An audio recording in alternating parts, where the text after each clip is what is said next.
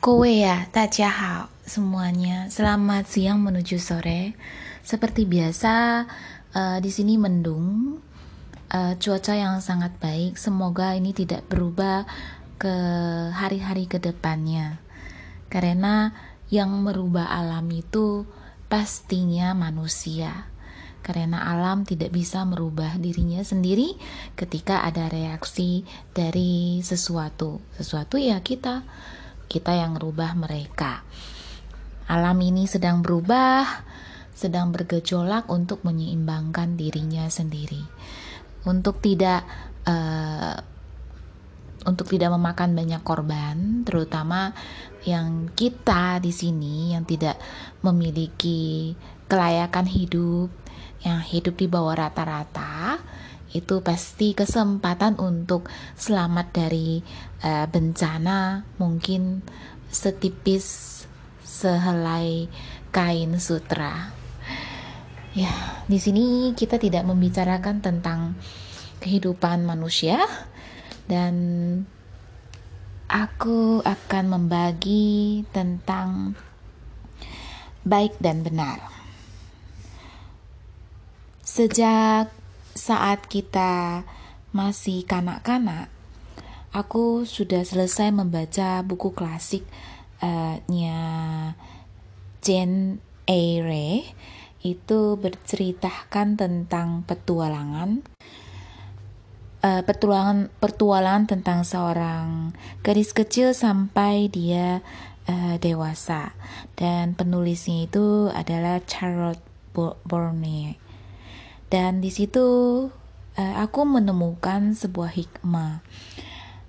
Awalnya memang dia itu seorang yatim piatu dan dibesarkan oleh bibinya. Dan kalian bisa membacanya Jane Eyre. Tapi bukan untuk uh, dengan cara praktisnya itu menonton filmnya. Karena film itu sudah sangat diromantisasikan. Jadi lebih baik kita membaca buku di novel klasiknya. Di situ ada pengetahuan tentang hati nurani. Jadi banyak membaca buku itu mengedukasi hati nurani kita. Dan di sanalah saya mengetahui bahwa dan di Alkitab juga ada bahwa Tuhan itu lebih memilih anak-anak kecil untuk masuk ke surga. Dan jauh dari uh, pandangan saya, di panggangan bahwa eh, anak-anak kecil itu tidak terlalu memikirkan apa itu surga, apa itu neraka.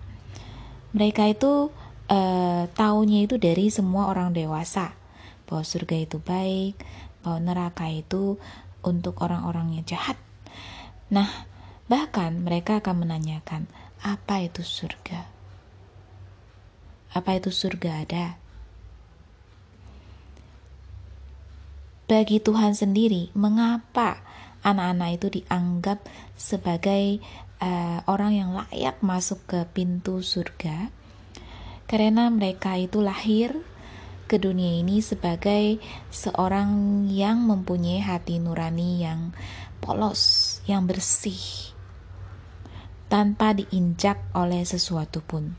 Nah, dari situlah di mana pun dia lahir, di situlah dia akan belajar pengetahuan.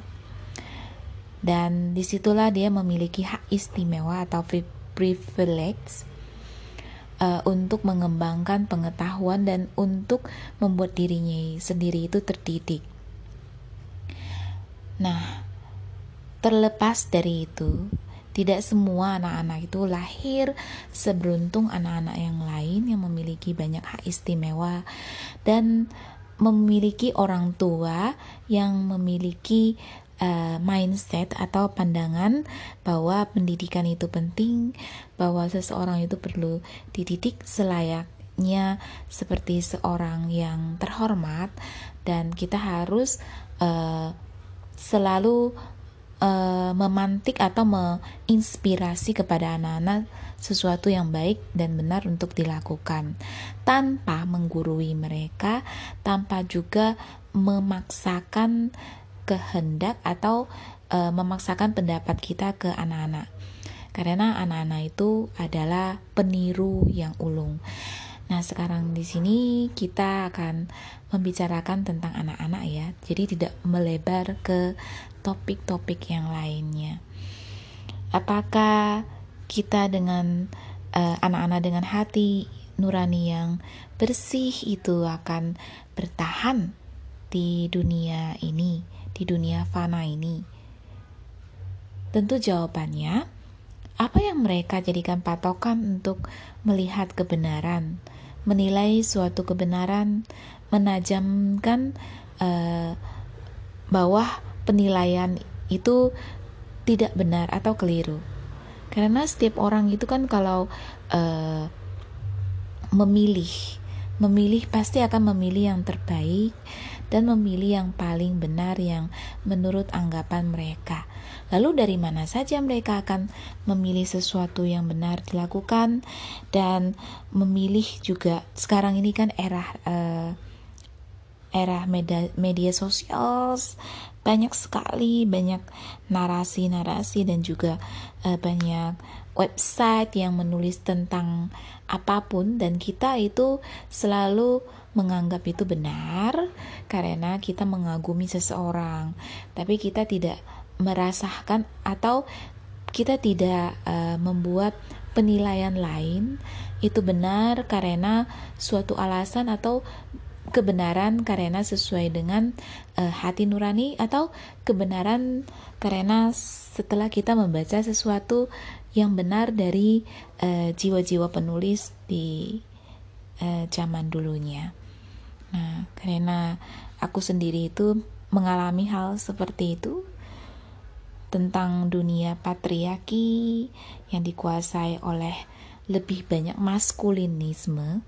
Jadi maskulinisme di sini itu uh, lebih memihak kepada para pria daripada uh, feminisme itu kepada wanita.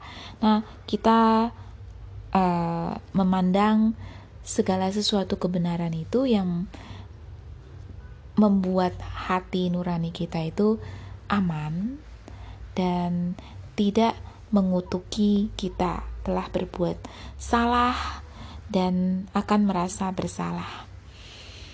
Nah, apa salahnya kita membaca lebih banyak buku namun sangat disayangkan di Indonesia itu membaca atau literasi, literasi itu dalam hal kita membaca sesuatu huruf-huruf dan kita mengerti makna dari huruf-huruf dan kata-kata itu. Itu sangat rendah. Jadi eh, mau tak mau karena buku pelajaran yang kita baca eh, saya juga sendiri sekolah ya buku bacaan yang kita baca itu seolah-olah itu hanya menjawab titik-titik atau menjawab hanya menjawab satu pertanyaan. Misalkan, ibu makan nasi, sudah cukup titik. Jikalau dijawabnya sayur, jawabnya soto, lontong atau yang lainnya atau cabai, itu mungkin uh, uh, akan disalahkan oleh uh, pelajaran bahasa Indonesia-nya. Padahal untuk meng ekspresikan sesuatu itu dalam bahasa itu kaya sekali. Misalkan makan hati. nah, itu suatu ekspresinya kaya sekali dan tidak sangatlah adil jika kita menilai hanya benar dan salah pada suatu hal. Nah, saya sendiri sebagai guru di sini. Dan mungkin uh, bukan cita-citaku sendiri untuk menjadi guru, eh, namun karena terbentur di saat pandemi ini dan juga terbentur saya sudah mempunyai pengalaman menjadi guru di rumah saya sendiri yaitu mengajarkan kepada anak-anak anak saya sendiri sekarang saya mengajar di kepada anak-anak yang lain. Menurutku itu adalah suatu pekerjaan yang terhormat dan aku sangat eh, menaruh banyak uh, harapan untuk mencapai tujuan tujuan hidupku dan tujuan panggilan hidupku. Dan mungkin ini merupakan panggilan hidupku. Karena uh, seseorang itu kan hidup itu tidak hanya dengan roti roti itu badan badan yaitu yang memuaskan badaniah kita, fisik kita dengan segera. Ya, misalkan kita senang akan hal-hal yang uh, istirahat yang enak, hanya bisa santai-santai, makan makanan enak, dan tanpa mempedulikan apa-apa. Tetapi setiap yang kita makan itu ada konsekuensinya karena itu pilihan. Dan kita memerlukan juga jiwa karena manusia itu lahir tidak hanya dengan badannya tapi juga jiwa. Di sini ada semangat uh, semangatnya itu lain dengan emosi karena emosi itu kan uh, hanya sesuatu yang muncul sesaat-sesaat dan kita juga harus mempelajarinya. Nah, inilah aspek-aspek banyak aspek yang harus dipelajari entah itu akal budi yang tinggi kita mempelajari banyak pendidikan dan juga mempelajari perasaan kita, emosi kita, siapa kita sebenarnya dan juga mempelajari hati nurani, mengedukasi hati nurani kita bahwa apa yang kita lakukan ini benar, apa yang kita lakukan ini salah. Jadi sebelum kita mencoba, kita sudah tahu bahwa itu tidak benar dan kita akan terhindar dari malapetaka. Sepertinya seperti contoh yang paling sederhana, mungkin oh mengambil hak milik orang lain itu tidak benar. Karena ada tercantum di kitab suci karena saya sendiri adalah uh, taunya itu dari kitab suci kebenarannya maka saya tidak akan mengambil hak milik orang lain dan konsekuensinya tentu banyak ya dari masyarakat dari hati nurani kita sendiri dan juga kita bertanggung jawab kepada sejarah. Nantinya jika saat kita men, men, mengambil hak milik seseorang yang bukan milik kita, kita akan melanggar hak asasi orang tersebut. Misalkan yang paling paling e, mematikan atau paling kejam yaitu mengambil hak asasi manusia itu dengan cara mengambil hak hidup seseorang.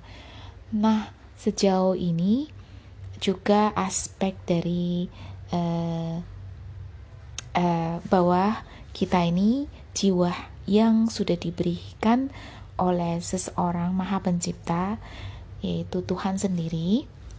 Kita tahu bahwa kita ini manusia ini uh, bukanlah uh, jauh lebih besar dari Tuhan tapi kita ini adalah uh, hambanya Tuhan kita hidup untuk melayani orang dan kita sendiri itu adalah makhluk yang bermartabat yang mempunyai harga diri dan tidak akan melakukan hal-hal yang akan menurut kita itu tidak benar.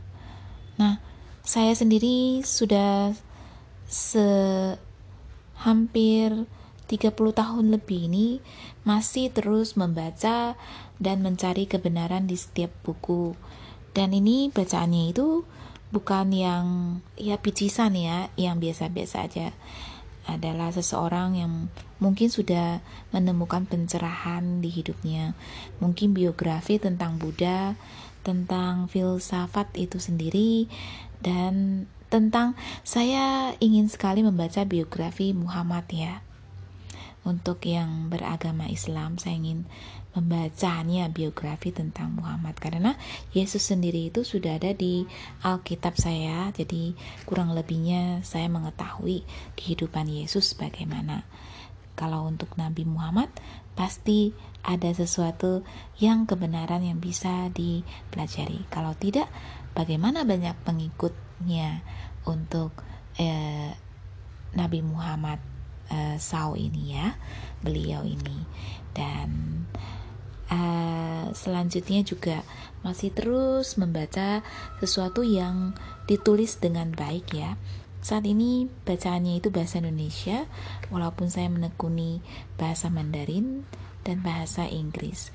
Dan saya juga uh, mengedukasi anak saya tentang narasi tanpa menghakimi mereka karena mereka itu lahir dengan uh, mempunyai pribadi masing-masing. Jadi tidak ada seorang pun yang sama.